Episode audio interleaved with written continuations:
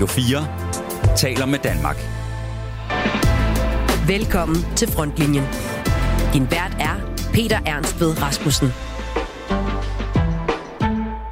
Ja, nye toner her fra frontlinjen, og nej, der er hverken krudt eller kugler i den.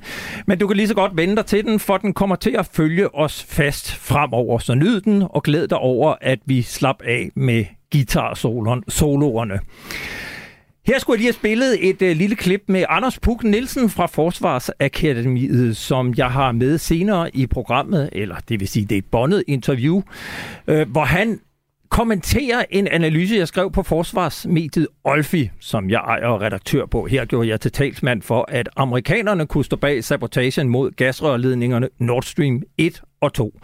Det interview kan du høre senere i programmet, hvor jeg også taler med journalisten, redaktøren og Rusland-kenderen Flemming Rose om mediernes dækning af krigen i Ukraine.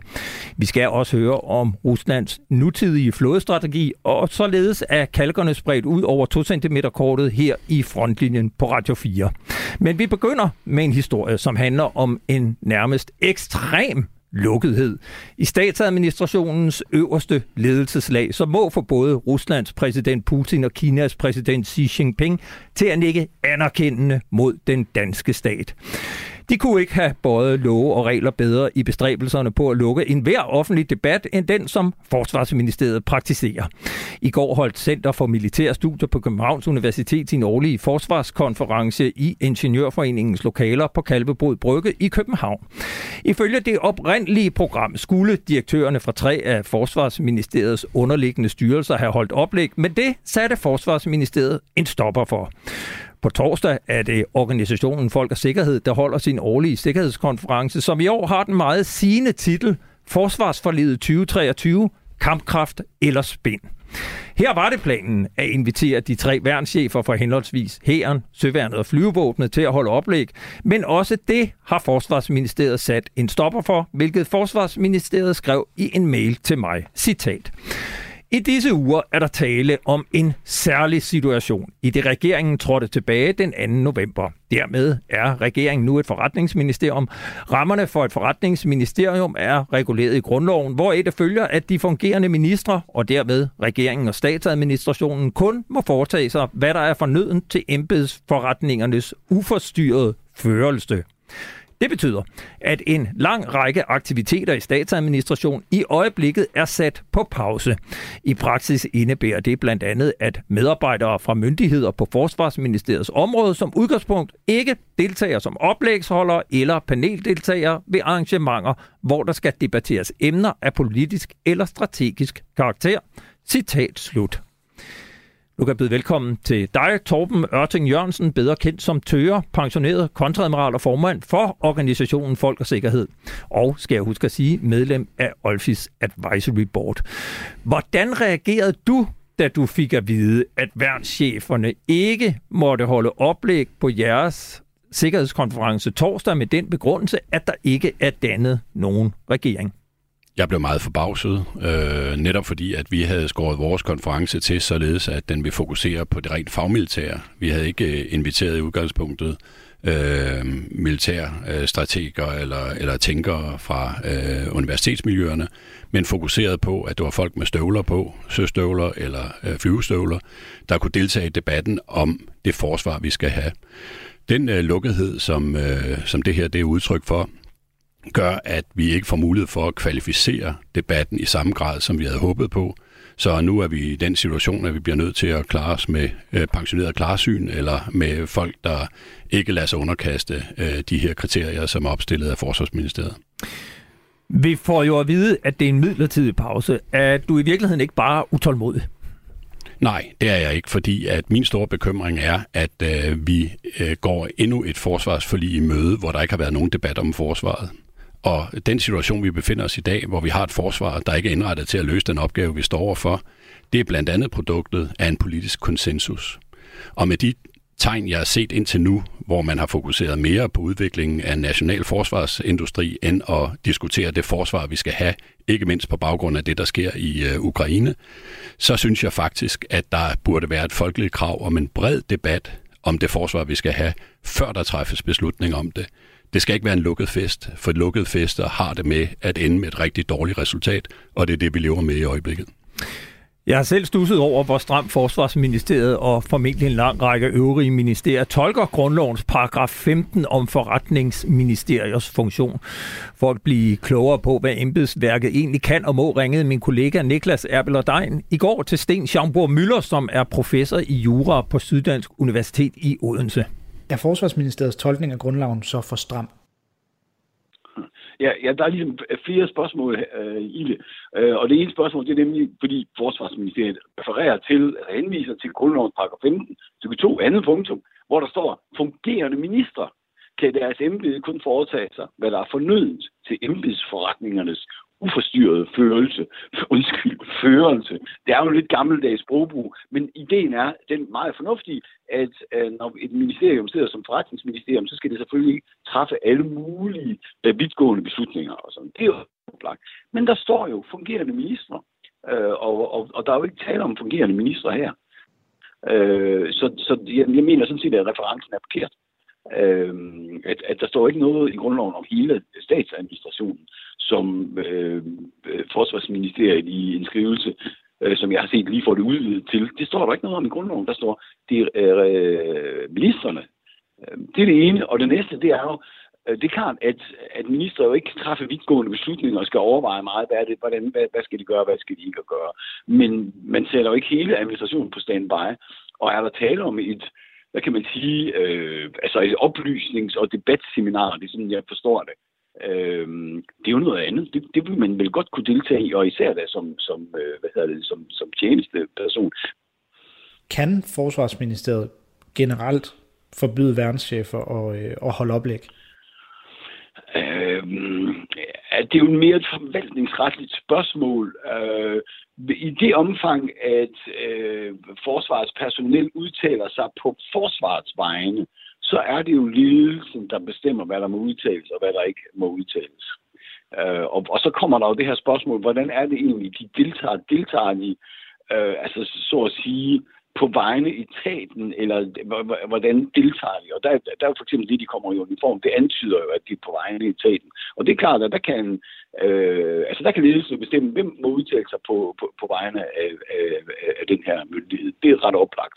Kan du så egentlig, øh, når, når du kender grundloven og, grundloven, og når du øh, så ser, hvad øh, Forsvarsministeriets øh, hvad skal man sige, forklaring eller kommunikation på det her område er, kan du forstå, at cheferne bliver hjemme efter at have læst mailen fra Forsvarsministeriets departement?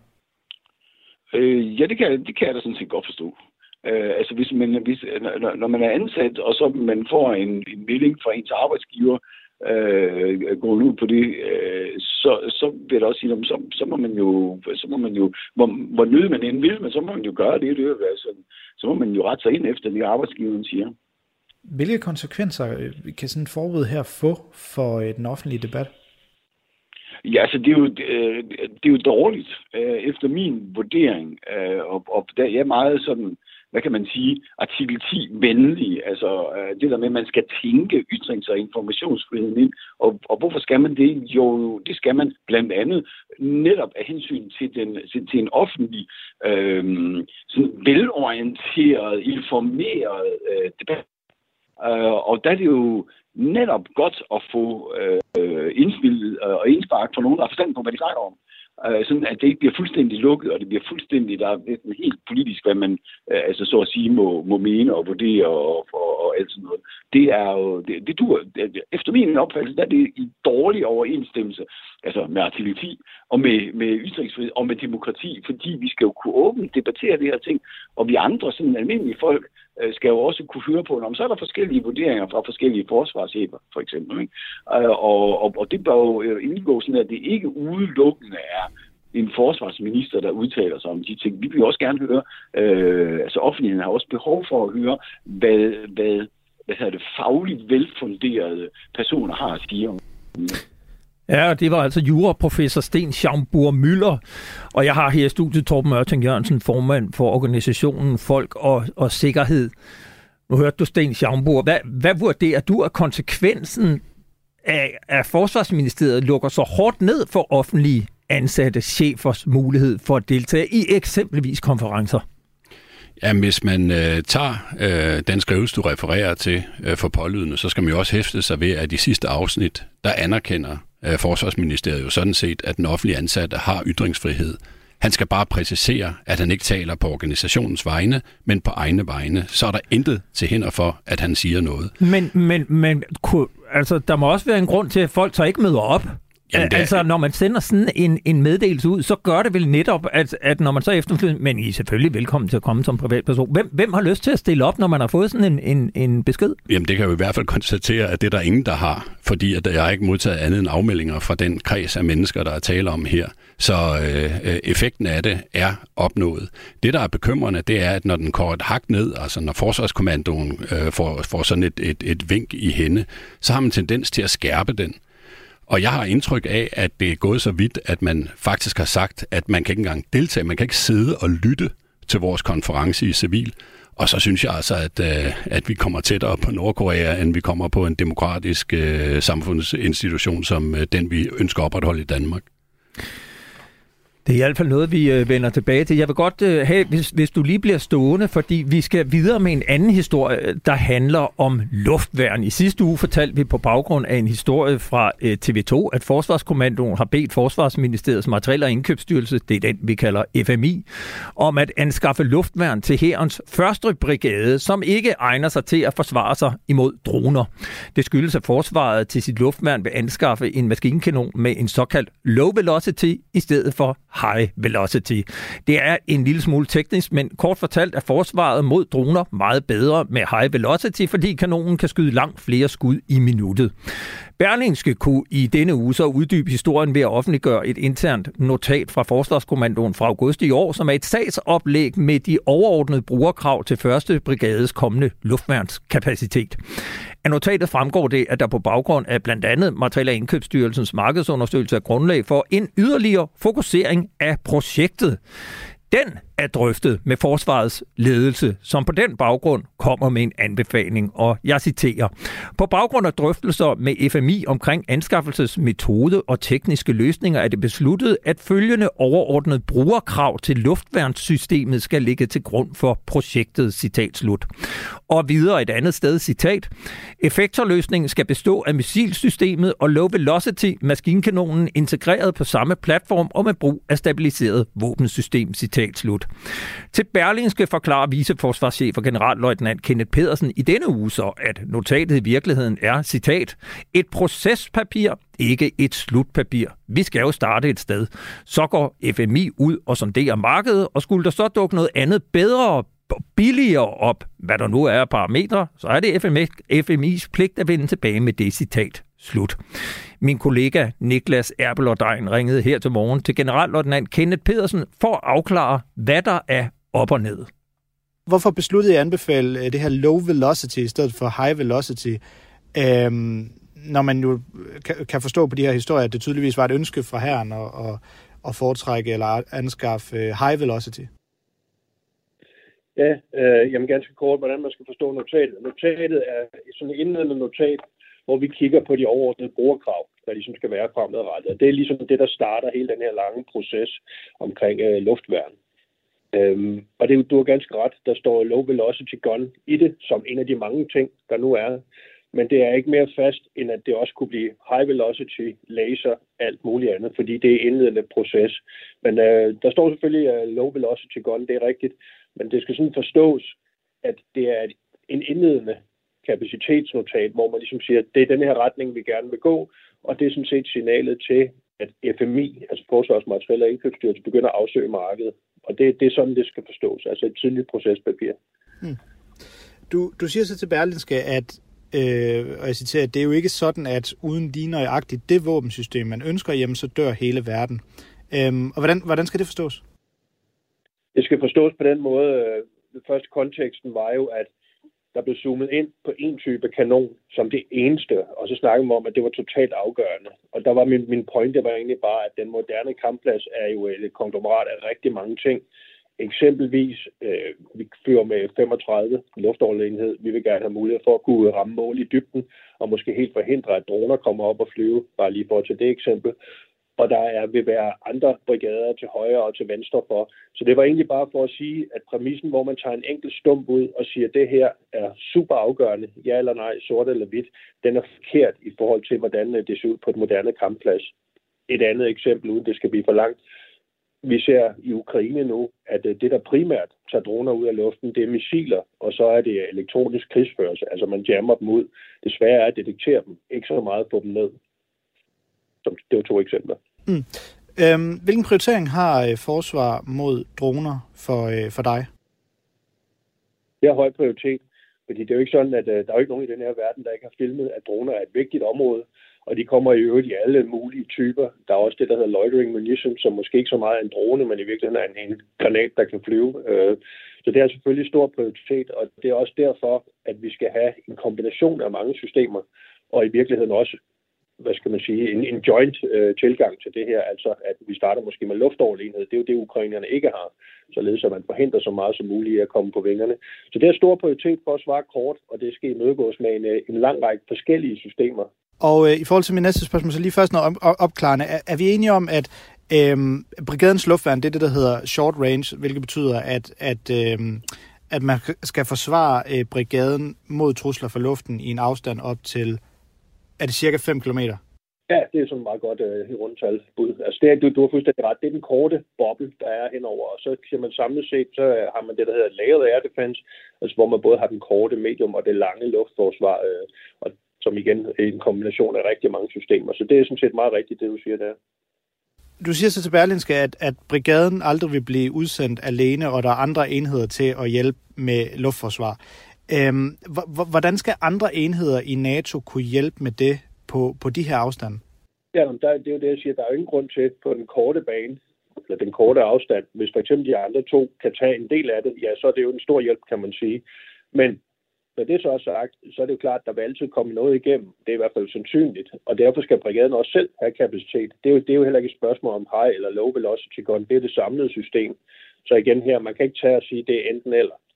Altså, det her er jo en udvikling, der kører fremad, og det kan være, at vi ender på en kombination af CRAM, det kan være, at der bliver en laser, det kan være high velocity, det kan være low velocity, det kan være i W, og alle de her ting.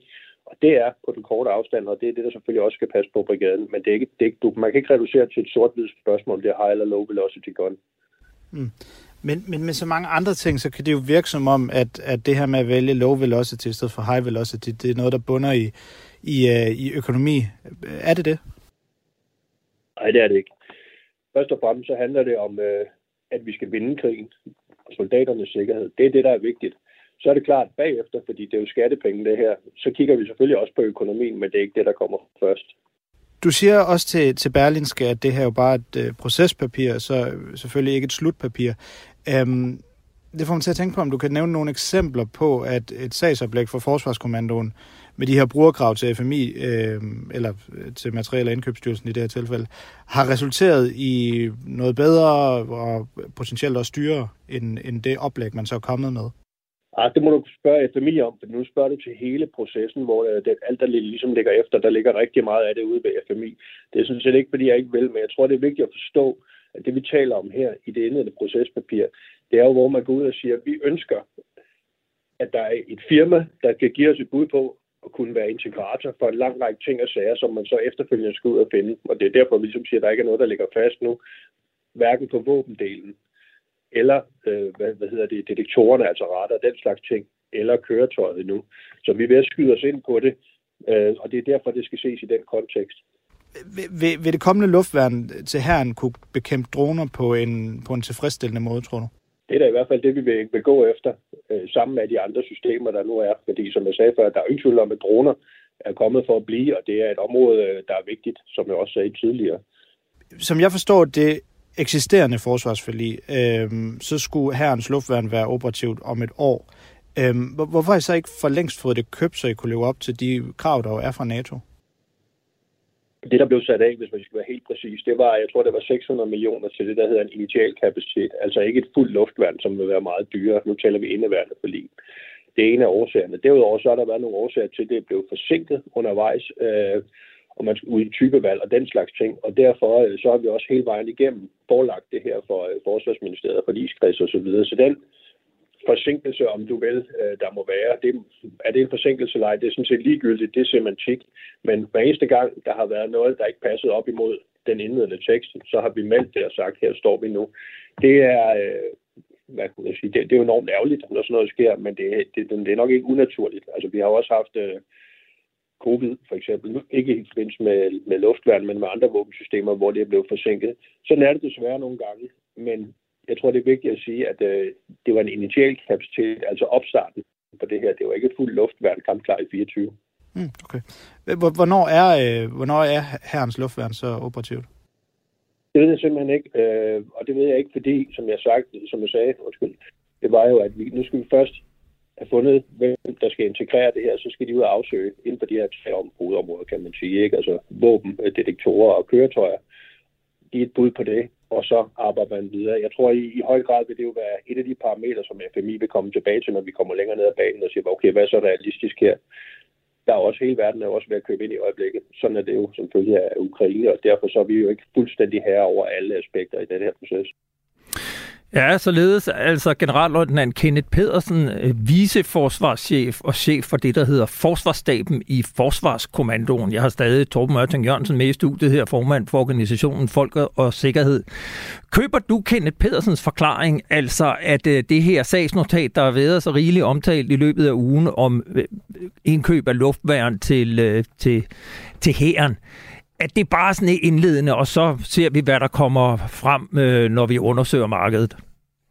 Altså, jeg har jo naturligvis ikke Kenneth Petersens indsigt i uh, processerne, der uh, pågår i Forsvarskommandoen i øjeblikket, men det, jeg har hørt, det er i hvert fald, at det ikke var en option, da det blev diskuteret, og før sagen blev til en offentlig sag. Uh, og, og hvis det, jeg hører, er korrekt, så, så tror jeg, at Kenneth Petersen måske skal tænke lidt over sin egen uh, troværdighed internt i systemet, øh, fordi det er ikke de meldinger, jeg har hørt, man har givet øh, til for eksempel øh, herren.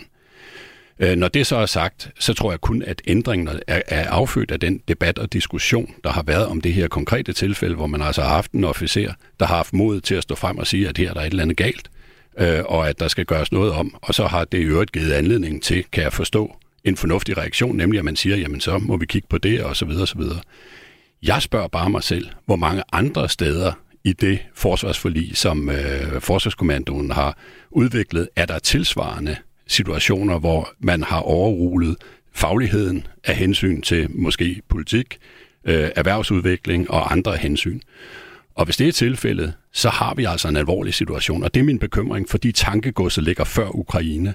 Den der sense of urgency, som jeg synes, at forsvarets ledelse skal give udtryk for, det er jo ikke det, man læser, når man hører uh, Kenneth Petersen, som nærmest er religiøs, og håber på, at der er andre, der vil komme og hjælpe os på de her områder, og det skal jo være et samspil mellem forskellige virkemidler. Og helt kort, her til sidst. Hvordan mener du, at Kenneth Pedersens troværdighed ser ud lige nu? Jamen, det, det, det kan jeg ikke vurdere, men jeg synes, at, at, at, at øh, det er et meget politisk svar, man får. Øh, og øh, jeg tror ikke, at, der er mange, øh, der kan genkende udlægningen af dem, der har været involveret i processen, men øh, jeg ved det ikke. Jeg vil sige tak, fordi du kom ind. Torben Ørting Jørgensen, formand for organisationen Folk og Sikkerhed og pensioneret kontradmiral. Tak fordi du var med. Selv tak. Du lytter til Frontlinjen på Radio 4.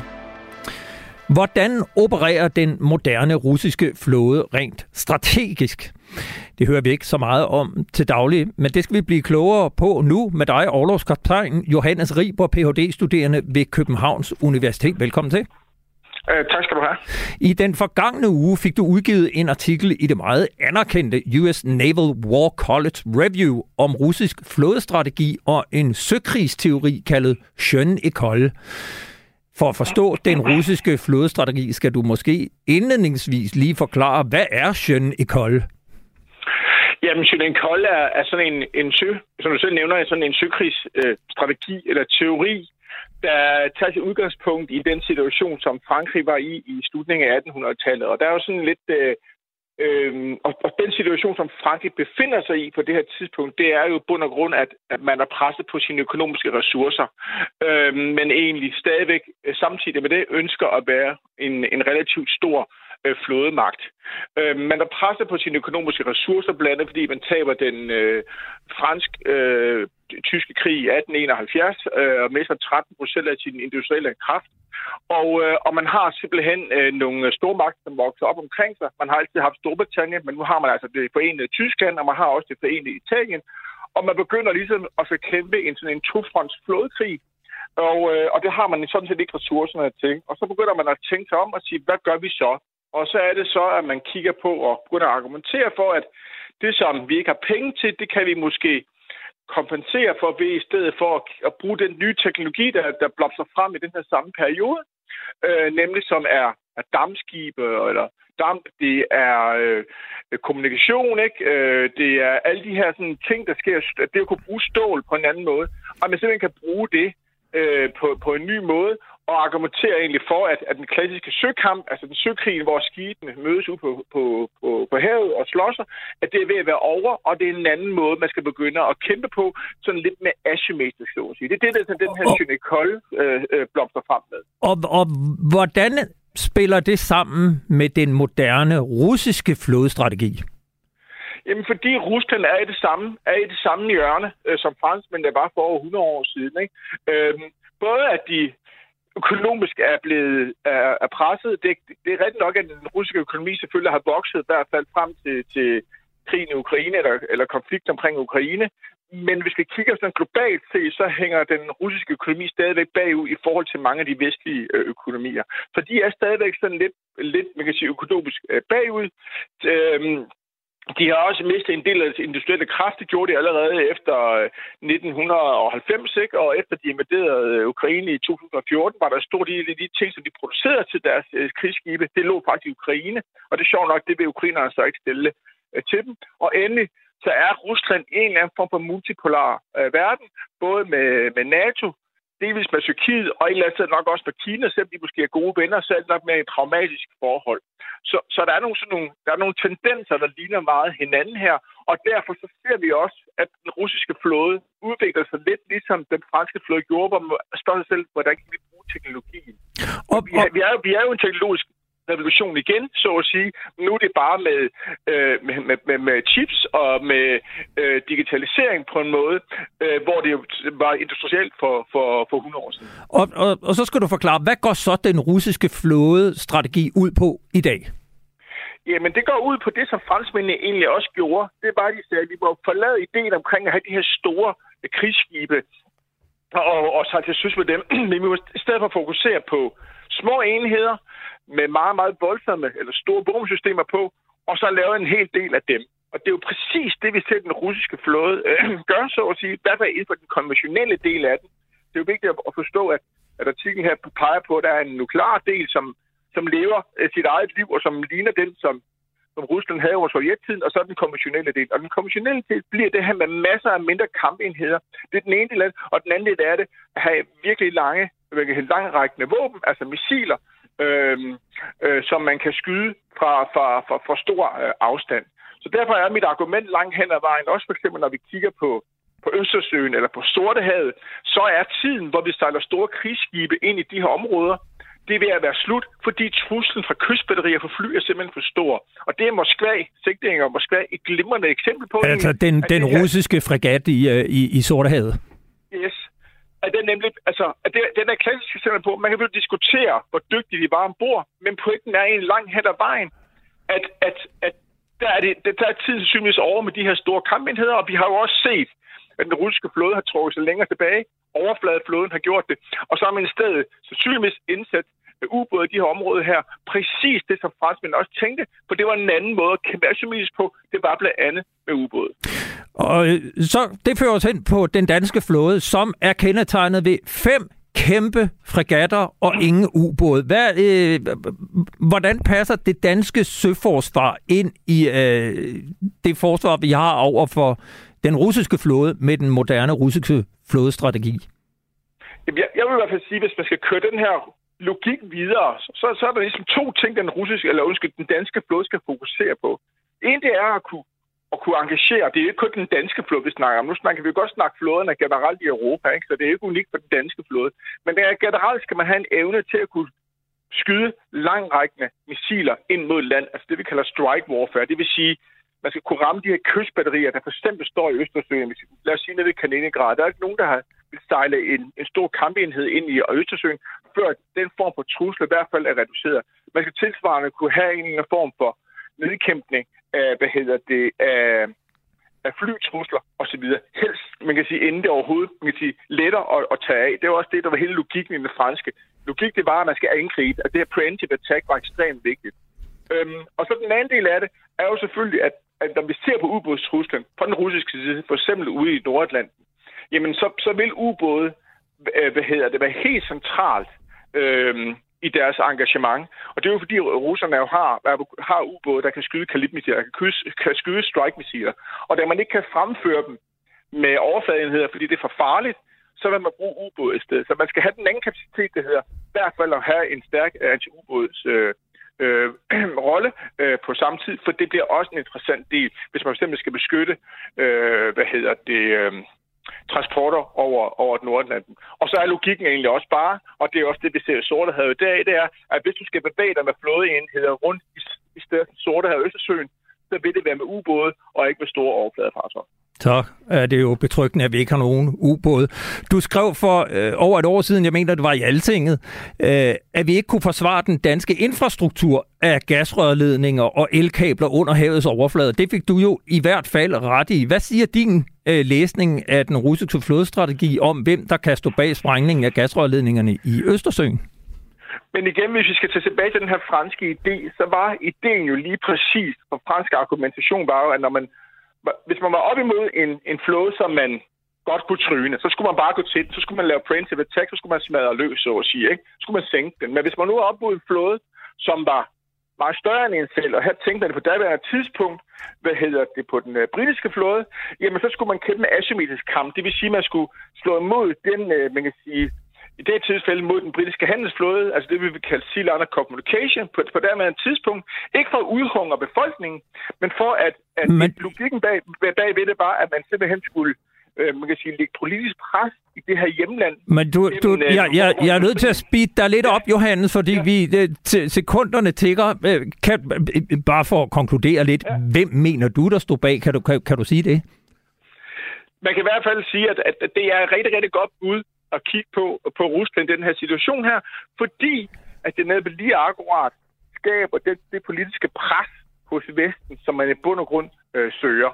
Så, så, så jeg kan helt klart, jeg vil helt klart pege på Rusland, og hvis vi kigger på noget, de skade, der er lavet, så er det med al sandsynlighed øh, Rusland, som har gjort det. Du skal have tusind tak, fordi øh, du vil være med her. Øh, Johannes Riber, Ph.D.-studerende ved Københavns Universitet, og tillykke med udgivelsen i hvert fald. Ja, tak skal du have. Radio 4 taler med Danmark. Nu skal vi videre til den sag, som i den grad har delt vandene, og det bliver en balancegang, fordi jeg selv er årsagen til debatten. Jeg prøver alligevel.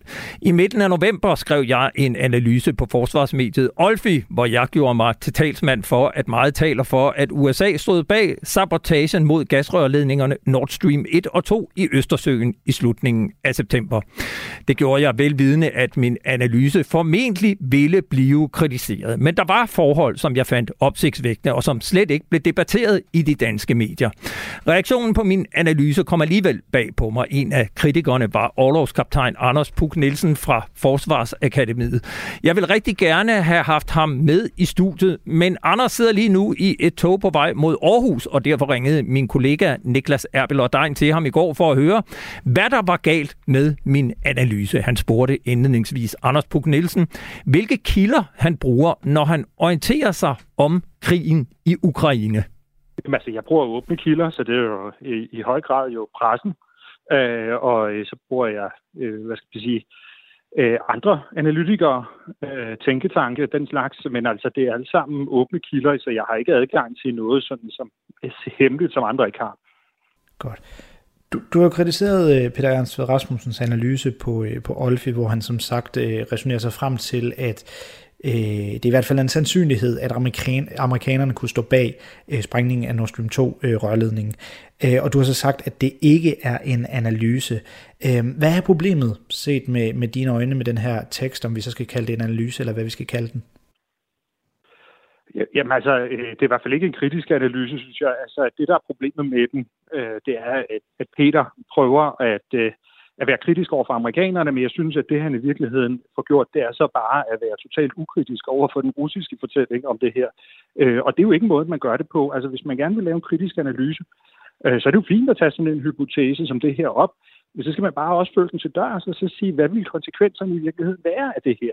Altså, Øh, hvad vil konsekvenserne være af, at europæerne tog amerikanerne i at øh, springe europæisk infrastruktur i luften? Hvordan ville det påvirke forholdet mellem Europa og USA, for eksempel? Øhm, og der, der tror jeg bare, man må sige, altså, øh, der, der vil man jo tale om øh, formentlig den største eksistentielle krise i NATO's historie, og så er det virkelig plausibelt, at amerikanerne vil gøre det, øh, vi løbe den risiko, for at lukke en, en, en gasledning, der allerede er lukket. Det er sådan nogle, øh, sådan nogle modargumenter som det, jeg savner, at Peter tager op i sin analyse og, øh, og forholder sig til at få gendrevet. Øh, og, og derfor så fremstår det lige nu bare sådan lidt som, som lidt, lidt tankespind, synes jeg, som, som ikke for alvor kommer i dybden. Du sagt, at, at Peters analyse er en en-til-en gengivelse af en historie, som, som russiske trolde de har spredt i dagene efter, efter sabotagen. Øhm, er alle argumenter, som Rusland fremfører på den ene eller anden måde, er de ubrugelige i den offentlige debat? Øh, nej, nej, det er de jo ikke, men altså, øh, man kan jo ikke øh, på den måde jo bare gengive heller, hvad russerne siger, øh, uden, at, uden at forholde sig øh, kritisk til det. Altså, hvis man gerne vil være kritisk over for amerikanerne, øh, så skal man jo være kritisk over for amerikanerne, så skal man jo netop ikke bare gå over og være ukritisk over for de andre. Så det er jo lidt der, hvor øh, den balance, der er der. Ikke? Og jeg tror, øh, den kommentar kom jo også øh, i, i, i forhold til, at hvordan kunne det være, at der var så mange, der var hurtigt ude at kritisere Peters analyse i det her tilfælde, den her ting, historie på Olfi, hvor jeg så siger, jamen det er jo fordi, altså, folk har jo i vid udstrækning set lige præcis den her analyse før, fordi det var faktisk et, et narrativ, som den, det russiske udenrigsministeriet øh, også fremførte rigtig meget i dagene lige efter, at, øh, at Nord Stream øh, sprang i luften. Sådan, hvis man kigger på, øh, på eksperters øh, rolle, og de mest brugte eksperter, som jo ofte er jer fra, fra, fra Forsvarsakademiet, og dig specifikt, øh, hvor meget betyder det egentlig for dine analyser, at du er ansat af, af Forsvaret? Øh, jamen, altså, det betyder meget lidt for det, jeg siger, øh, men, men der kan jo være situationer, hvor at jeg af den ene eller den anden grund vælger ikke at sige noget, øh, fordi at det er, øh, er noget, der, øh, der påvirker forsvaret. Ikke? Altså i, øh, helt specifikt omkring Nord Stream, så var der jo nogle begrænsninger på, hvad vi sådan kunne sige om øh, forsvarets konkrete opgaveløsning, at vi skulle ikke gå ud og spekulere for meget i, øh, hvilke skibe kunne være involveret i det, hvordan kunne man forestille sig at lave sådan en, øh, øh, sådan en operation som det der, øh, og så, så styrer vi udenom det. Men altså, øh, udover det, så er vi jo øh, hvad skal man sige, en, en, en uafhængig institution på Forsvarsakademiet, hvor vi leverer forskning og, og, og formidler det. Og når jeg stiller mig op i medierne og sådan noget, så er det jo som, øh, som militæranalytiker, og så er det mine analyser, og, og, og ikke noget, jeg har fået at vide af nogen på. Hmm. Så du vil godt kunne i andre sammenhænge anlægge en analyse, som, som peger skylden mod andre end Rusland, og nu snakker jeg ikke bare nødvendigvis i forhold til Nord Stream 2 øh, pipeline, men sådan helt generelt. Jo, jo, altså øh, det, det, det kan jeg jo sagtens, og øh, eksempelvis så har jeg jo selv øh, været ude og, og, og udtale mig sådan lidt skeptisk i forhold til, øh, til den der øh, til, til de missiler, der ramte i Polen, og kunne det nu øh, virkelig passe, at det var øh, øh, at det var ukrainske missiler, hvor jeg tænker, at det, det måske godt kunne være, at det faktisk øh, var noget andet. Øh, så på den måde, så kan man sagtens jo, øh, også i min stilling, være kritisk over for det, der, der ligesom bliver sagt officielt fra NATO's side. Nu nævnte jeg lige tidligere, at, at, øh, at den her analyse ligger sig i tråd med det, der er blevet spredt af russiske trolde. Øhm, men, men for at få dine ord på det, mener du, at, at, at Peter Ernst Rasmussen øh, med sin Olfi-tekst her går øh, de russiske troldes misinformation, går deres ærne? Øh, ja, det kan man sige, at, øh, at Peter jo nok lidt, øh, lidt uforvarende har gjort her. Altså han giver jo legitimitet til, øh, til den her historie ved at, at, at, at trykke den, som, som han gør, og, og, og ikke at forholde sig kritisk til den. Um, så, så på den måde, så kan man godt sige, at, at han, han, han er kommet til at, at gøre det. Um, og, og jeg kender Peter godt nok til at vide, det overhovedet ikke været intentionen med det. Øh, men, men et eller andet sted, så synes jeg her, den er, den er, den er ramt lidt skævt, øh, fordi at, at, at det kommer så, så ukritisk ud. Men kan du, kan du så, for at vende tilbage til den, øh, nemlig debatten om debatten, forstå, hvis der er øh, en kritik af, af de her modsatrettede argumenter, der, der, der, der virker som om, eller at der er nogen, der synes, at det virker som om, at et resultat er givet på forhånd, i forhold til, hvad jeg for eksempel var inde på i, i starten, altså når vi har at gøre med en krig med en så klar øh, aggressiv part som, som Rusland selvfølgelig, at, at, at så snart man måske prøver at vente om, at, at, øh, at, at der så er nogen, der synes, at am, man kan ikke stille de her spørgsmål, fordi øh, vi ved jo alle sammen, at Rusland er skurken i alle henseender, hvis du forstår den spørgsmål. Jamen, øh, det ved jeg ikke, om jeg faktisk øh, synes, jeg, jeg oplever det. Jeg, jeg synes i hvert fald ikke selv, jeg bliver fanget i, at øh, øh, altid skulle bakke op om, om NATO og, øh, og, øh, og, og, og ikke må sige noget som helst kritisk om det, vi laver, for eksempel. Altså, det, det synes jeg faktisk jævnligt, jeg gør. Øh, det, øh, øh, så, som jeg, altså eksempelvis så har jeg jo været ret kritisk over for den der øh, fortælling om, øh, om, om missilerne i Polen, og sagt, jamen det kunne faktisk godt være, men måske Zelensky havde ret i nogle af de ting, han havde sagt. Jeg synes i hvert fald ikke, man sådan umiddelbart kan, kan afvise det. Øh, og hvor NATO jo har en, har en anden udlægning af det. Altså, så på den måde, så synes jeg sagtens, at man, øh, at man godt kan være kritisk, øh, også over for det her. Øh, jeg synes, der er, også, der er der også nogle interessante spørgsmål, jeg stiller sig selv om, omkring lige præcis Nord Stream i forhold til, jamen, hvorfor, øh, hvor, hvorfor har vi egentlig ikke hørt mere om det her? Altså, hvor lang tid tager de her undersøgelser i virkeligheden, før nogen som helst kan give os en, en pejling på, øh, hvem der måske kunne stå bag? Øh, sådan så nogle spørgsmål synes jeg også godt, man kan, øh, man kan tage op øh, og være kritisk øh, på, på, på dem. Um, det, det vigtige det er bare, at når man er kritisk, jamen så skal man jo sørge for netop at være kritisk, og ikke bare blive ukritisk over for modparten. Mm. Og så bare helt til sidst, øh, ganske kort her, Anders Bug Nielsen, det får mig til at, at, at, at tænke øh, på at spørge dig om, hvorvidt det her øh, skader Peter Ernst Rasmussen og Olfis troværdighed, synes du? Nej, altså jeg synes, at det er øh, øh, rigtig flot af Peter, at han øh, tager det her emne op i frontlinjen og, øh, og netop tager den her debat. Øh, jeg synes, øh, da det kom frem, altså der, der, der synes jeg, ja, der var det, det var ikke positivt. Øh, men jeg synes, at det, det, det, det viser alligevel noget om, om Peter og, og tage det til hans ære, at, at han tør øh, at tage diskussionen på den her måde. Øh, og øh, og så vil jeg sige, generelt så synes jeg jo, at Peters tilgang til det der med, at det er vigtigere, at vi får taget debatten, får tingene frem i det åbne, øhm, og, øh, og, og hvis man så får sagt noget, der er forkert, jamen så retter man det efterfølgende. Den synes jeg, den synes jeg generelt er vigtig.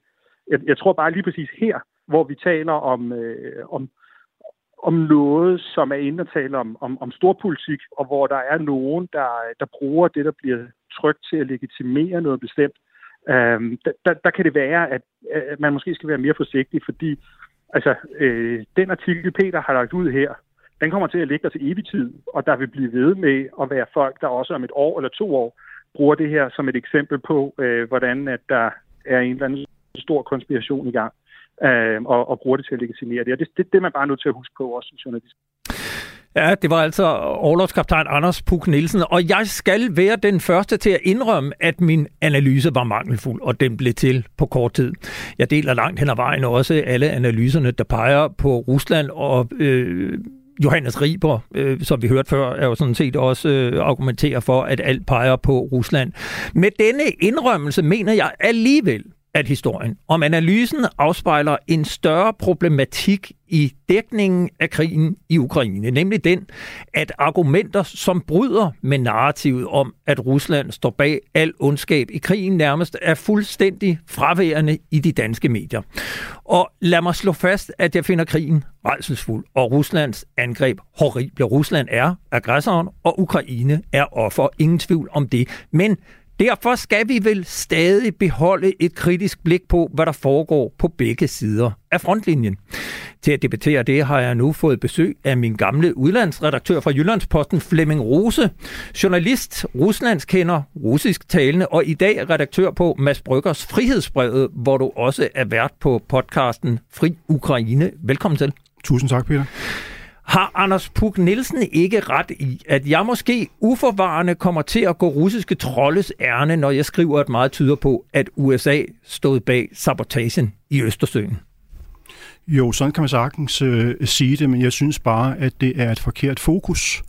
Det kan være et rigtigt fokus, hvis du repræsenterer en statsinstitution som Forsvarsministeriet eller Forsvarsakademiet, øh, og Danmark er jo engageret i krigen på øh, Ukraines side, og der må selvfølgelig et øh, en uskrevet lov måske er, at du skal ikke sige noget, som går fjendens ærende, eller som går aggressorens ærende, men Øh, journalister skal ikke arbejde på de præmisser. Hvis vi gør det, så bliver vi propagandister og holder op med at være øh, journalister.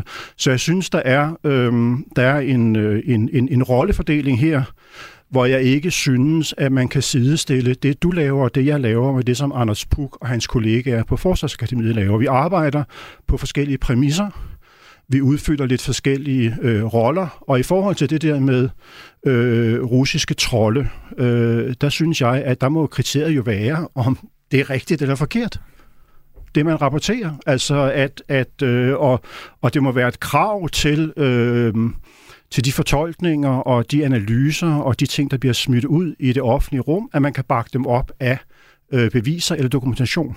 Og det er noget af det, som efter min mening er den helt, helt store udfordring i denne her krig. Det her er, øh, da, da, da USA var i Irak, du var selv i Irak, så vidt jeg husker, ikke? Yes, Eller, yes, de var, jeg var da, da, i Irak. Ja, ja og da øh, vi var i Afghanistan, øh, der var jo journalister, som var såkaldt embedded sammen med vores øh, soldater og kunne rapportere med alle de problemer, det har i forhold til, øh, hvad du rapporterer. Men det har du ikke engang her. Øh, du har nogle enkelte gange måske, hvor der er en enkelt vestlig journalist eller sådan noget, som kommer med ind. Men grundlæggende, så de informationer, som vestlige journalister får fra, hvad der sker ved fronten i øh, Ukraine, dem får de af øh, ukrainske statskilder eller måske af kollegaer, øh, øh, ukrainske kollegaer. Det ved jeg ikke. Et andet problem er, at... Øh, eller russiske bloggere på, øh, på præcis, Telegram. altså det var, jeg så en, øh, en øh, reportage fra Deutsche Welle, øh, det russiske stat, eller det tyske statsfinansierede øh, øh, medieselskab, som havde en korrespondent i Kiev. Og han rapporterede om, hvad der skete ved fronten i Kherson. Øh, og til forskel fra mange af sine kollegaer, så var han så transparent og ærlig at sige, alt det, jeg fortæller nu her, det, er så, det var noget, der skete for 3-4 dage siden, men jeg fortæller det nu, fordi jeg lige har fået det at vide af øh, ukrainske militære kilder. Og mange gange kan vi i virkeligheden få mere at vide ved at følge russiske militærbloggere på øh, Telegram. Det er, der, det er der meget, meget få journalister, som er transparente om, når de øh, øh, rapporterer om, hvad der sker ved fronten. Men, men kan man ikke sige, at det er meget naturligt, at medierne tager parti? Altså jeg mener, vi lever i et demokrati, og nu terrorbomber Rusland et andet demokrati i Ukraine og, og kræver landegrænsen flygtet, eller fly, flyttet. Jo, helt klart. Men så er vi bare ikke journalister, så er vi propagandister. Øh, og hvis du skal give et eksempel, øh, øh, Irak Irak var et, øh, et hårdere diktatur, end øh, Rusland er i dag. Irak havde invaderet øh, Kuwait. Irak forsøgte angiveligt at skaffe sig masseødelæggelsesvåben. Irakerne begik folkemord på kurderne. Øh, de brugte kemiske våben imod øh, øh, kurderne. Og, øh, og, og, og derfor var vi meget hurtige til at købe en fortælling om, at øh, Saddam Hussein havde masseødelæggelsesvåben.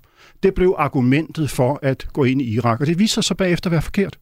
Og det synes jeg er en øh, er et det er en øh, påmindelse til alle, til hele pressen om, at, øh, at, at ligesom alle andre mennesker, så, øh, så ser vi ofte det, vi gerne vil se. Øh, og øh, vi har svært ved at lægge mærke til det, som ikke harmonerer med den fortælling og det øh, informationsrum, som vi lever i. I forbindelse med denne udsendelse, så ringede jeg rundt til en række kilder for at høre, om de vil være med i en debat i dag om dækning af krigen i Ukraine. En af dem er Henrik Kvartrup fra Ekstrabladet. Jeg spurgte ham, hvordan han ser på mediernes dækning af krigen i Ukraine. Jeg synes, at øh, dækningen af krigen i Ukraine i meget, meget høj grad bærer præg af, at alle ønsker, at Ukraine skal vinde den krig. Det er også et ønske, som, som jeg deler. Men jeg synes, at man ser det øh, give sig udslag i, at nogle sådan helt grundlæggende journalistiske principper er sat over styr. Øh, altså det her med, at man sådan kælderkoldt, objektivt, nøgternt vurderer, hvad der er op og hvad der er ned. Det forekommer mig, at det jo på mange måder ganske glimrende princip er sat ud af kraft her, fordi vi simpelthen har taget parti. Og igen skal jeg understrege, at det kan der være nok så mange gode grunde til, men fordi at vi har taget parti for den ene af parterne i øh, den her konflikt. Og er det øh, nogle enkelte medier, eller er det generelt i mediebilledet, du oplever det? Jeg synes, at øh, sammenlignet med, hvordan andre øh, kriser bliver dækket i mediebilledet, så forekommer det slående, hvor øh, subjektiv øh, dækningen af øh, Ukraine-krigen er. Når det er sådan her, skyldes det så også, at dem, der fremfører argumenter, der peger i den modsatte retning, meget hurtigt bliver udskammet på sociale medier? Man skal i hvert fald have rigtig meget is i maven, hvis man skal turde fremføre argumenter, der fører til den konklusion, at det måske står mindre skidt til for russerne, end hvad sådan øh, den, den, øh, den almindelige dækning tyder på. Det er jo igen ikke en betydende med, at man ønsker, at russerne skal vinde. Men, men, men, men, men, men det, som er så, synes jeg, tankevækkende i diskussionen om mediedækningen af den her krig, er, at man hele tiden er nødt til at komme med den her disclaimer. Jeg ønsker ikke, at russerne skal vinde, men Øh, det burde jo ikke være nødvendigt at sige det. Altså egentlig er det jo bare en helt klassisk journalistisk dyd at sige, nu ser vi på en sag helt nøgteren, helt objektivt, øh, og fremføre de argumenter, der taler både til den ene og til den anden side, og så, så, så må det ligesom stå i, i egen ret. Ja, det var altså Henrik Kvartrup fra Ekstrabladet. Jeg talte også med mediekommentatorerne Lasse Jensen og Jakob Mollerup, som øh, stilfærdigt gav udtryk for nogenlunde samme opfattelse, som Henrik Kvartrup giver. Og nu står jeg så her med dig, Flemming Rose. Jeg vil bare lige gøre opmærksom på, ja. at hvis man lytter til Fri Ukraine, så får man ikke øh, det øh, take på begivenhederne. Og, og, og det er rent faktisk et forsøg på netop at træde et skridt tilbage og være nøgtern og ikke hele tiden slå syv kors for sig øh, som du jo også følte dig tvunget til her, Peter, i begyndelsen. Ja, ikke? At, ja, at, at, ja. øh, og og, og øh, øh, jeg kan mærke på de reaktioner, jeg får fra lyttere og abonnenter på frihedsbrevet, at der er, altså folk er ikke dumme. Selvom alle ønsker, at øh, det skal gå Ukraine godt, så er folk ikke dumme, øh, og de vil gerne have nøgterne øh, informationer, som giver dem en reel forståelse af, hvad der foregår på slagmarken. Problemet er jo, at der er rigtig, rigtig meget på spil her. Der er rigtig, rigtig meget øh, på spil. Men jeg synes, at når, når, når Danmark støtter Ukraine så massivt, altså det er jo hundredvis millioner af skattekroner, øh, som går til øh, Ukraine. For det første, altså øh, Ukraine er et, et rimelig korrupt land. Øh, jeg har allerede set historier i finsk presse om, at der er øh, vestlige våben, der er danske våben, som er, øh, så, eller der er, der er vestlige våben, som er først gået til rockergrupper i Finland, som bagefter er gået videre til banditers i Danmark. Der er ikke et dansk, dansk medie, der har forsøgt at grave den historie ud endnu, selvom et finsk medie rent faktisk rapporterer, det er en finsk politiassistent, der har efterforsket øh, den her sag. Bare for at give et eksempel. Men, men hvorfor er det sådan? Hvorfor er det, at medierne øh, agerer, som de gør? Og jeg er nødt til at sige, at vi har kun øh, halvandet minut tilbage. Jamen, det er jo, fordi vi er mennesker, ligesom alle andre, Peter. Altså, vi er, vi er offer for gruppetænkning. Vi er offer for bias, øh, og det er selvfølgelig meget, meget svært, når man er involveret direkte i en krig og holder med den ene part, at, øh, at kaste sine kognitive fordomme øh, over bord og forsøge at se nøgternt og objektivt på det. Men Man må bare sige, at det er netop i sådan en situation jo, at man virkelig bliver testet, og man skal gøre endnu mere for at frigøre sig fra de der kognitive øh, fordomme og det at, øh, at rapportere så øh, ensidigt om krigen, som vi har øh, set i, øh, i øh, danske medier, og som jo kan ende med at ramme som en boomerang. Man bare give to eksempler øh, her på, på falderæbet. Det ene er, at i slutningen af august, der trækker russerne sig tilbage fra Kharkiv. I øh, nogle danske medier bliver der rapporteret, at den, at den russiske hær bryder sammen, at den kollapser. Hvis man læser det, så må man få det indtryk, altså, at nu er det bare et spørgsmål om tid, før at øh, russerne er ude af Ukraine, og at de kan blive løbet over enden. Hvad ser vi i dag? Øh, tre måneder senere, øh, frontlinjen er stort set den samme. Og det andet eksempel, det er omkring den russiske økonomi at, øh, at, at, at øh, gang på gang hører vi, at den russiske økonomi den øh, kollapser, øh, og det er selvfølgelig hårdt ramt, men endnu er der ikke noget, der tyder på, at den er i sådan en for, for forfatning, at de ikke kan fortsætte med at føre krigen. Men over ikke mere i denne udgave af Frontlinjen. Det her var i øvrigt 117. udgave af programmet, og det blev lavet i samarbejde med Niklas Erbel og Dein. Øh, I regien sad øh, Frederik Stybe Petersen. Tak til dig, Flemming Rose, fordi du kom ind og øh, gjorde os klogere på det her. Jeg er sikker på, at det her det er en debat, vi kommer til at tage op igen. Tak for i dag.